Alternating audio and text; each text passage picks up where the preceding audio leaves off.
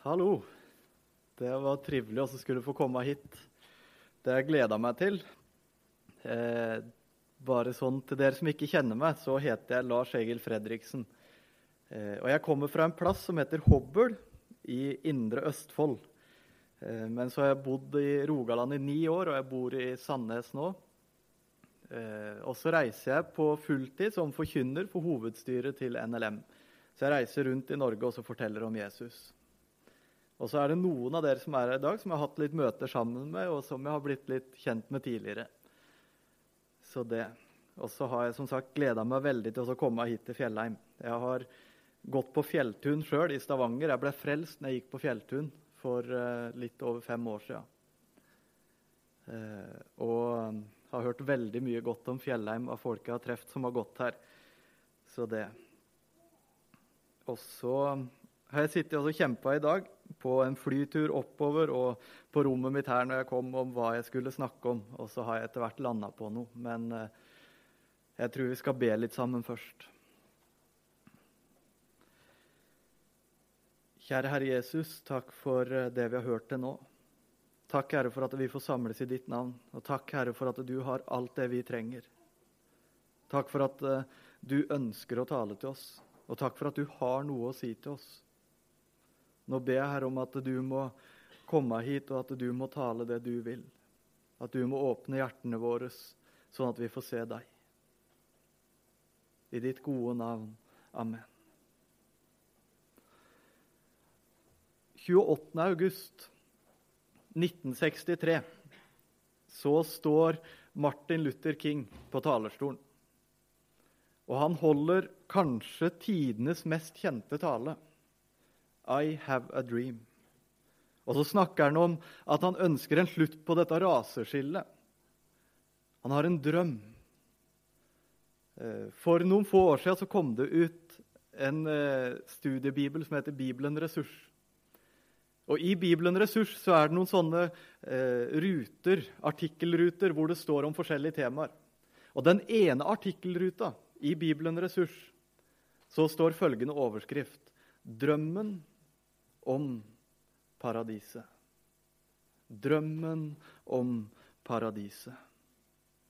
Jeg veit ikke helt hva det er med den, men det der slo meg. Jeg satt og leste, og jeg blei tatt av denne artikkelen. Drømmen om paradiset. Vi skal starte med å lese i 5. Mosebok. I 5. Mosebok og kapittel 34. Og da er vi på ca. år 1405 før Kristus. Og vi skal møte Moses. 5. Mosebok, kapittel 34 og vers 1.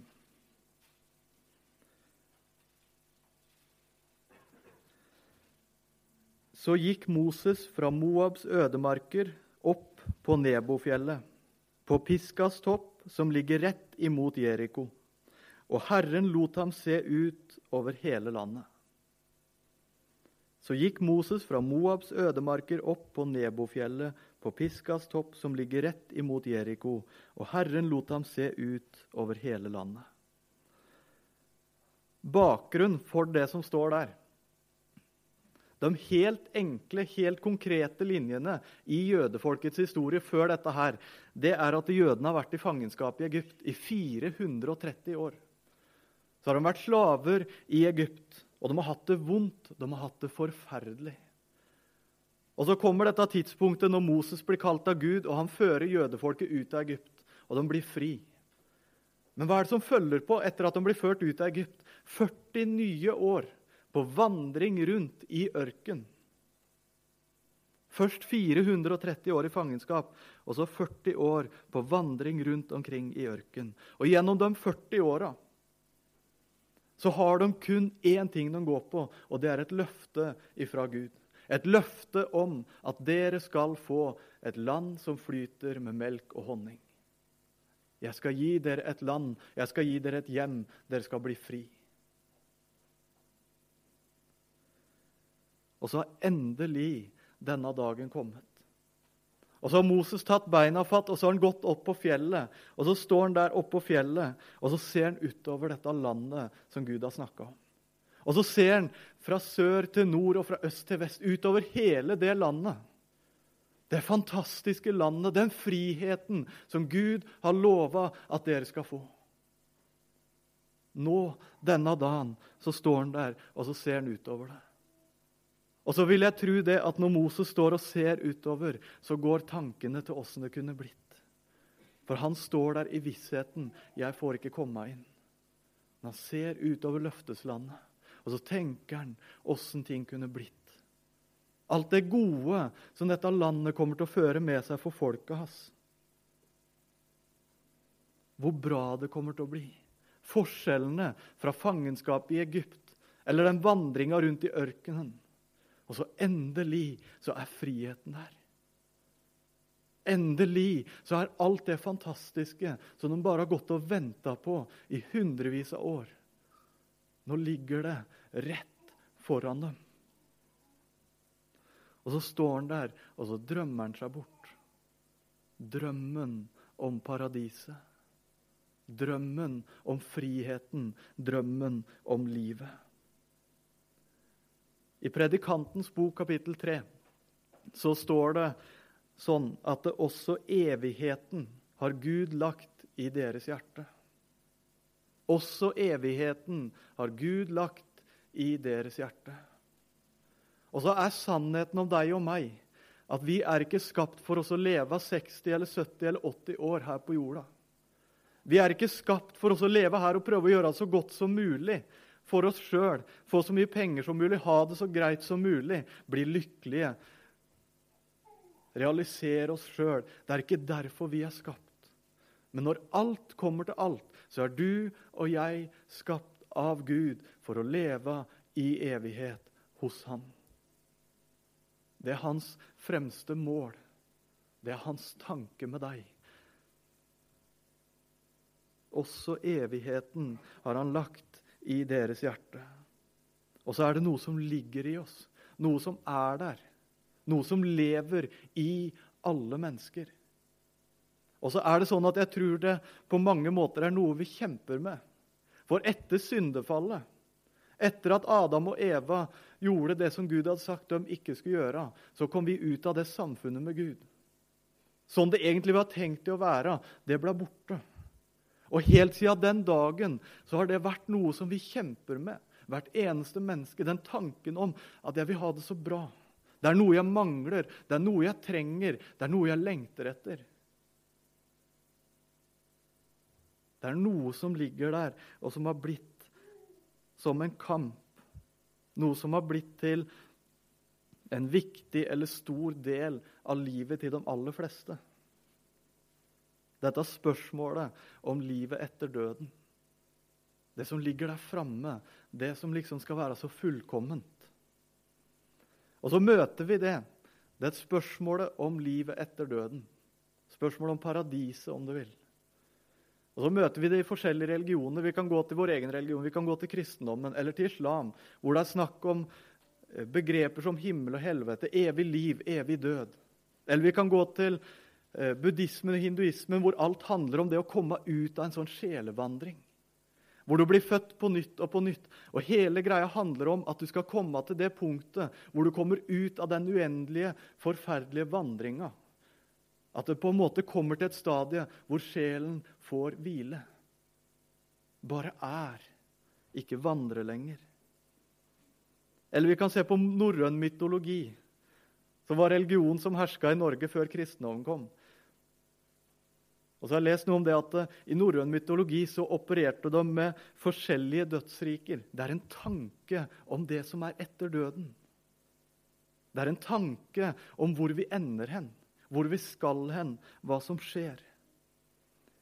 Men jeg tror ikke det bare er religion hvor vi møter den tanken eller den drømmen. I 2012 så var det en undersøkelse i Norge som gikk på dette her med livet etter døden. Og 52% av dem som ble spurt, de svarte alternativer som enten innebar en tro på et liv etter døden, eller en sånn usikker greie at ja, kanskje det er noe.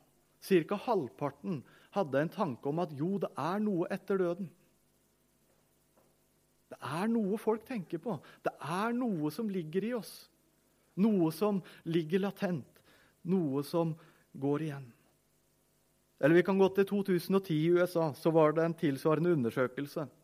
Og så er det ganske stor forskjell på eh, tankegangen i Norge og USA. Så er de mer religiøse i USA. Men i denne undersøkelsen der borte så var det over 80% som svarte enten ja eller at de var usikre på om det er et liv etter døden. Over 80% I en annen undersøkelse så var det flere som svarte at de tror på et liv etter døden, enn dem som tror på Gud. Det er noe som ligger der. Det er noe i oss, dette her med evigheten, det med hva som skjer etter døden, hvor vi skal hen. Hvor du og jeg er på vei. Og Det er en sånn stor og viktig del av livet vårt og av samfunnet som vi lever i. Og så er det mange som har et forhold til det der. Og så sitter du her. Og så er jeg nokså sikker på at du sitter med ditt forhold til det der. Og du sitter med ditt forhold til hvor du er på vei hen. Du sitter med dine tanker og ditt forhold til hvor du skal hen når du en dag skal ut av dette livet. Når du skal over i evigheten. Noen tanker om paradiset. Og så tror jeg det at det er mange utenom kristne òg som går rundt og tenker på dette her. Og har en tanke rundt det, har en tru rundt dette her. Jeg veit ikke, jeg har ikke spurt så mange, men jeg tror at noe et sted Jo, men vi kommer jo et sted Jo, men vi kommer jo et sted hvor det er godt. Verden. Verden. Ja, vi må jo komme et eller annet sted hvor det er godt. Hvor det er greit. Jeg har jo levd stort sett godt. Prøvd så godt jeg kan å være et godt menneske. Jeg kan jo ikke bli straffa for det. Jeg tror en del tenker at ja, men jeg kommer jo et sted hvor det er moro. Går og tenker på de tinga som jeg liker her på jorda, og så blir det liksom til at de tinga som er så fantastiske her, det skal jeg få oppleve når jeg en dag skal ut av dette livet. Det kommer til å bli moro. Vi forbinder det veldig gjerne med ting som vi liker her på jorda. Har noen tanker om at det, det er sånn det skal bli. Og så tror jeg det er mange som har kanskje helt motsatt tankegang, og som sier det at når vi dør, så slutter vi helt enkelt å eksistere. Da er det over. Når vi dør, så blir det svart. Når vi dør, så er det ingenting mer. Om det er en tanke om at jo, det er, om det er, en tanke om at jo, det er noe mer, eller om det er en tanke om at det blir svart, det er over, så går det liksom igjen. Det er en tanke om at det er en type hvile. Det er en tanke om at det er en type utfrielse. Det blir på mange måter denne drømmen om paradiset. Den dagen skal jeg endelig få det godt.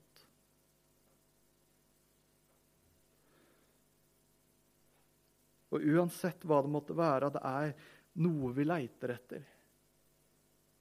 Om det er et paradis her på jord, at jeg prøver å få det så godt som overhodet mulig her.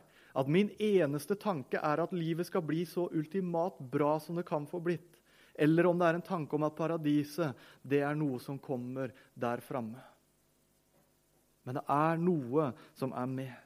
Vi ønsker oss noe fullkomment. Det er noe vi mangler. Og så ønsker vi noe som er fullkomment, noe som er helt. Noe som liksom er ekte, og som er varig. Noe som ikke er over på et blunk. Noe som ikke er over på 10 år eller 20 år eller 80 år. Noe som er ekte, noe som er ekte, og noe som er helt. Og så står du der. Og så står du her nå sammen med Moses oppå dette fjellet. Og så sitter du her nå, og så ser du utover det du tenker er paradiset. Kanskje du sitter akkurat nå og tenker akkurat det dine tanker er om hva som skjer når du dør. Hvor du kommer, hvordan det blir. Du skuer utover hvor flott det blir, hvor fullkomment det blir, hvor gjennomført godt alt sammen er. Nytelsen, overfloden. Og så har jeg et spørsmål til deg når du sitter og tenker på akkurat det. Din tanke om hva paradiset er. Er det ditt paradis? Eller er det Guds paradis?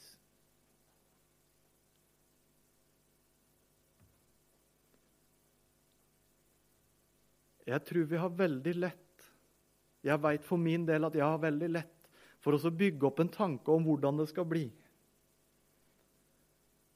Jeg har veldig lett for oss å bygge opp en tanke om hvordan jeg vil at det skal være. Jeg hadde hatt det veldig bra hvis himmelen er full av fotball, men jeg veit ikke om det er helt reelt for det. Men jeg har veldig lett for å tenke på hvordan jeg skal ha det i evigheten, for at jeg vil ha det sånn og sånn. Og så kan det være at du sitter her og har det på samme vis som meg. At du har lett for å tenke det. Og så er det ikke alltid at det kan gå helt overens med hva Bibelen sier om hvordan det kommer til å bli. Eller kanskje vi i hvert fall ikke kan si helt sikkert at sånn blir det. Men så kan det bli så mange tanker, og så kan det gjenta så mye at det til slutt virker som at ja, men det er jo reelt. Det er jo sånn det blir. Og alle har jo et ønske om noe, alle har jo en tanke om akkurat åssen det der skal bli. Men hvis det jeg tenker på, i realiteten er mitt paradis Hvis det jeg tenker på, i realiteten er noe jeg har bygd opp inni meg sjøl, tanker om hvordan jeg vil det skal være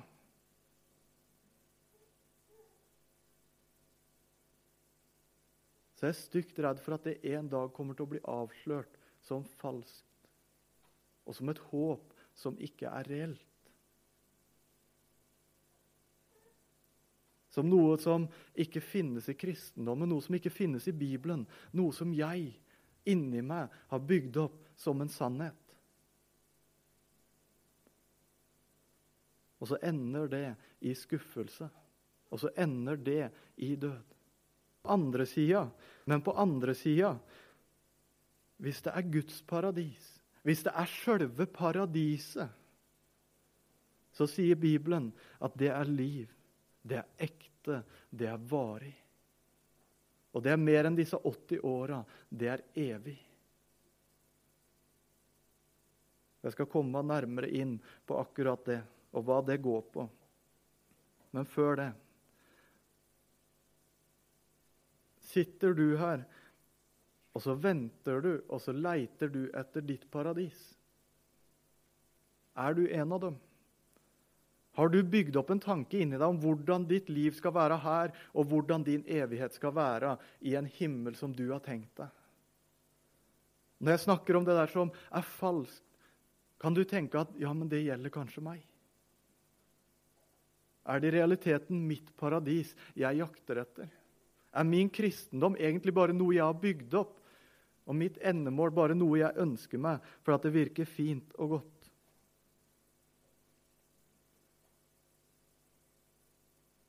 Hvis det er deg, da bygger du på noe falskt. Hvis det er deg, så bygger du på noe som ikke holder. Men da sier Bibelen at i dag så kan du få noe nytt. Da sier Bibelen at i dag så kan det bli helt nytt og helt annerledes alt sammen. Vi skal til Matteus 27. I Matteus 27 så møter vi Jesus på korset. Og Når Jesus henger på korset, så blir det korsfesta på hver side av to røvere. Og Disse røvere, det står i Matteus 27 og vers 44. Også røverne som var korsfesta sammen med ham, hånet ham på samme måte. Også røverne på hver side håna ham. Og Vi veit veldig lite om disse røverne, men de har sannsynligvis levd akkurat sånn som de ville. Og kanskje de har levd i en higen og et jag etter paradiset her på jord. Og så har det ikke blitt akkurat sånn som de tenkte. Og så henger de her til slutt, i møte med døden, på et kors på Golgata ved siden av verdens frelser. Og så håner de Jesus. Jeg veit ikke åssen det foregår. Charles Spurgeon han snakker om det når det står at begge håner. Så sier han det at det, kanskje det foregikk på den måten at det er en som håner, og at han andre ganske enkelt stille samtykker i håninga. eller kanskje de begge aktivt håner. Poenget er begge to håner Jesus. Og Så kan vi gå litt videre ut i Bibelen. Så går vi til Lukas 23. Og Vi er i samme situasjon. Vi er fortsatt med Jesus på Golgata, på korset. Og Lukas 23, og vers 39-43. Det er, de samme, det er den samme Jesus, det er de samme røvere. Nå står det En av ugjerningsmennene som hang der, spotta ham og sa, Er ikke du Messias? Frels deg selv og oss. Men den andre tok til orde og irettesatte ham og sa, Frykter du ikke engang for Gud, du som er under den samme dom? Og vi med rette, for vi får det vi fortjener etter våre gjerninger, men han har ikke gjort noe galt. Og han sa, Jesus, husk på meg når du kommer i ditt rike. Og han sa til ham, Sannelig sier jeg deg, i dag skal du være med meg i paradis. Hva i all verden har skjedd?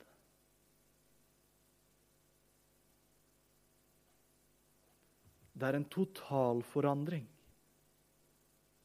Fra Matteus 27 til, vers, nei, til Lukas 23. Det er to vidt forskjellige verdener. Fra de to som spotta Jesus. Og så står det nå at han ene han tar til orde. Og så er det noe som har skjedd på et eller annet tidspunkt i løpet av denne dagen. Og denne tida på korset så er det noe som har skjedd med den ene av røverne. Som har gjort at han har fått et nytt sinn og et nytt hjerte og et nytt liv. Og Så henger han der på korset ved siden av Jesus, og han veit at han fortjener ingenting annet enn den straffa han nå får. Og han veit at foran Gud så fortjener han ingenting. Og han ber kun om en tanke.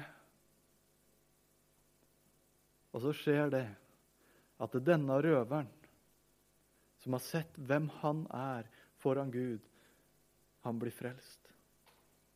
For han har sett hvem Jesus er. Og han veit at han trenger Jesus. Og så blir han frelst av bare nåde. Og så får han høre fra Jesus i dag skal du være med meg i paradiset. Til paradis. Og om du sitter her og til nå i ditt liv har levd borte ifra Han, eller i din tanke om hva kristendom er, i din tanke om hva det handler om, i din tanke om hvordan ting skal være og hvordan ting skal bli, Og så sier han om du lever der, så kan du få et helt nytt liv akkurat nå. Ikke gjennom at du forandrer deg, ikke gjennom at du tenker noe annerledes eller gjør noe annerledes, men gjennom at han har gjort alt for deg. Og at den eneste veien til Guds paradis går gjennom Jesus Kristus. Og han står ferdig for deg akkurat nå. Og så kan du få komme inn i Guds paradis. Og så er det faktisk sånn at det kristne venter på et helt konkret, et helt ekte paradis.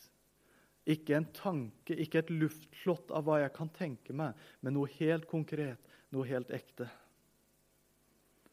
Og om du sitter her og tror på Jesus og er på vei til himmelen, så har du noen løfter. Et av mine favorittvers i Bibelen det står i 2. Peters brev. I 2. Peters brev, kapittel 3 og vers 13. Og I forkant av dette verset så har det stått om hva som skal skje med at eh, denne jorda skal gå opp i flammer, og at den skal gå under. Og så står det i 2. Peters brev 3,13.: Men vi venter, vi venter etter Hans løfte, nye himler og en ny jord hvor rettferdighet bor.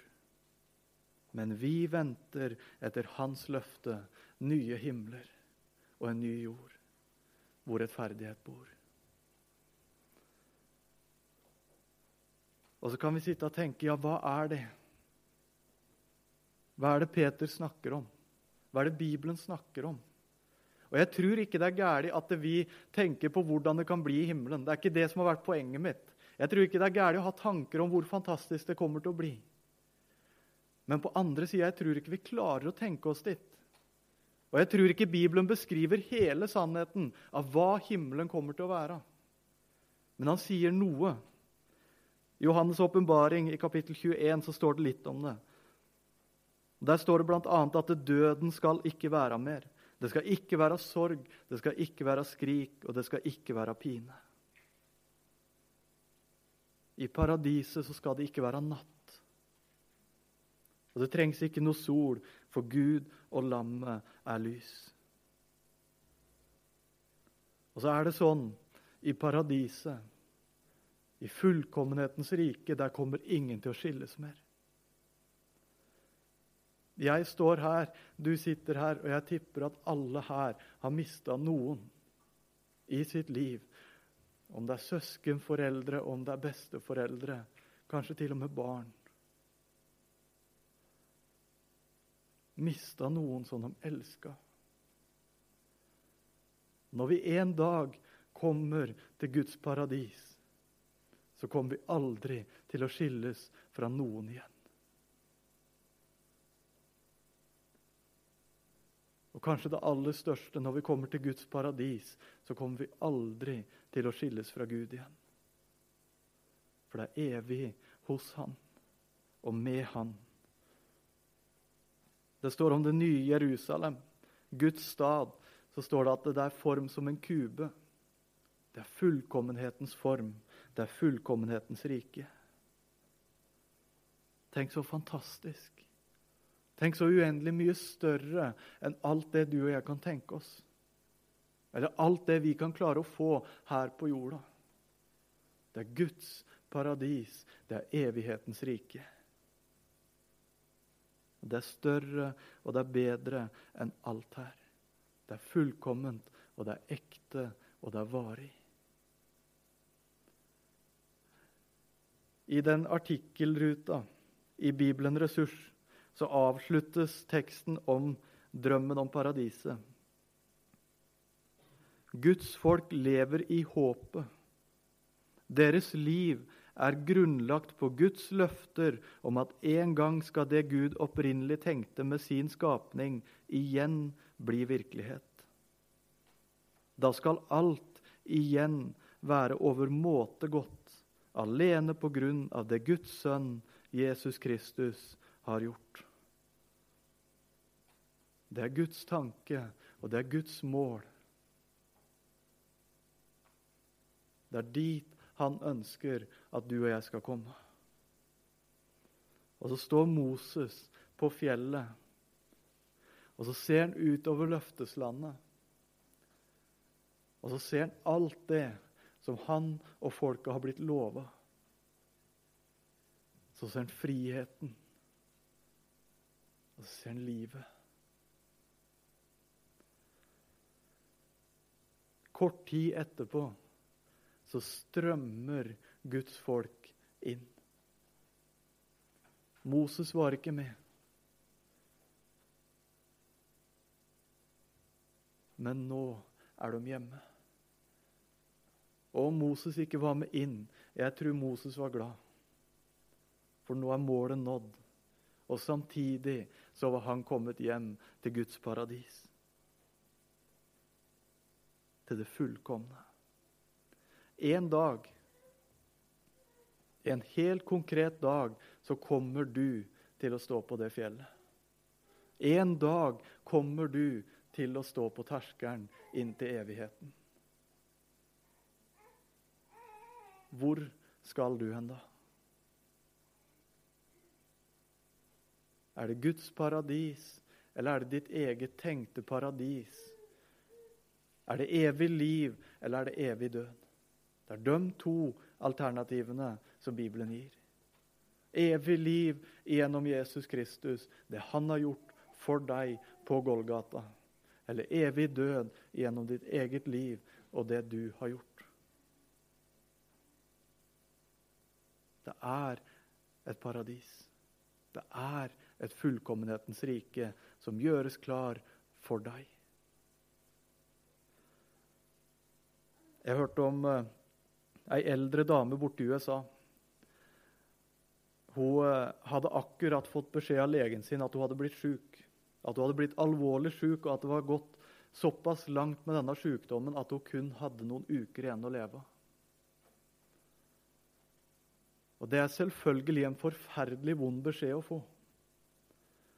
Hun hadde kommet hjem til seg sjøl, og denne dama var en kristen dame. og Hun fant fram telefonnummeret til presten i menigheten sin, og hun ringte til presten.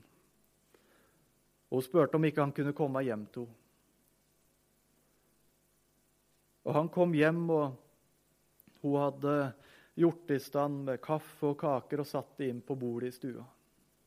Og Så satte de seg ned der, og så snakka de.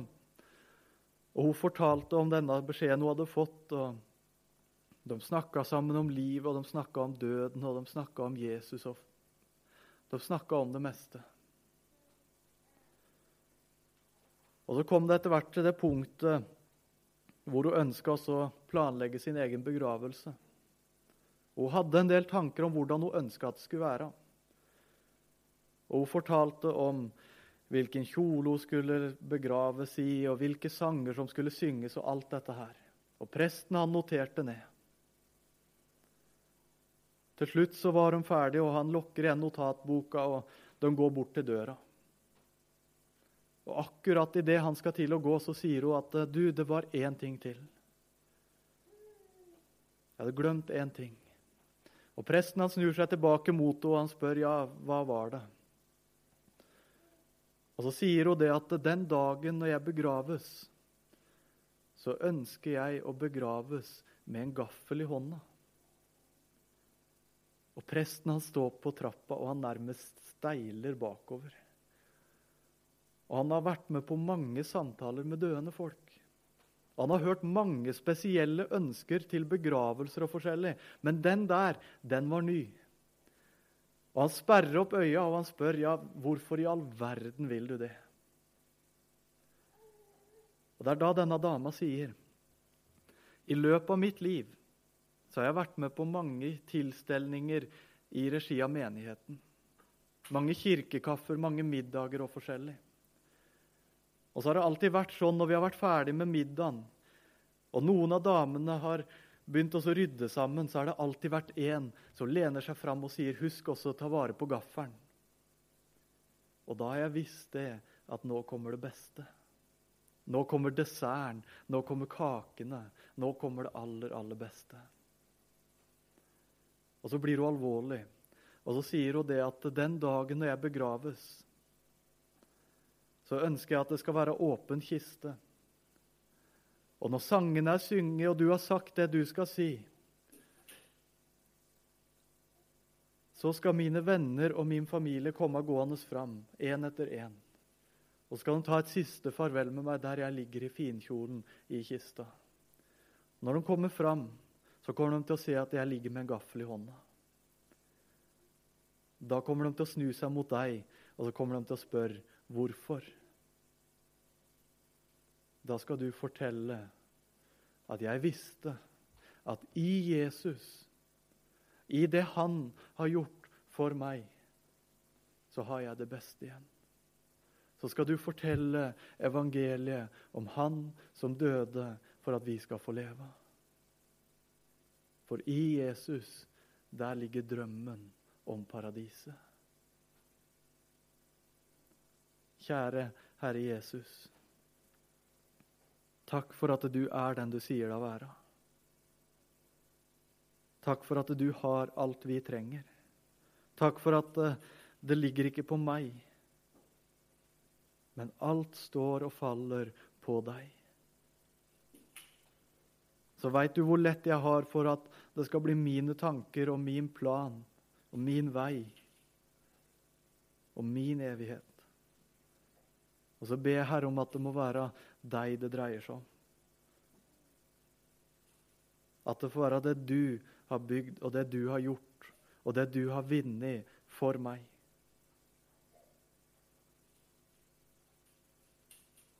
Herre, jeg ber om at du må få ha den plassen som du fortjener, og den plassen som du må ha i mitt liv og i livet til dem som sitter her.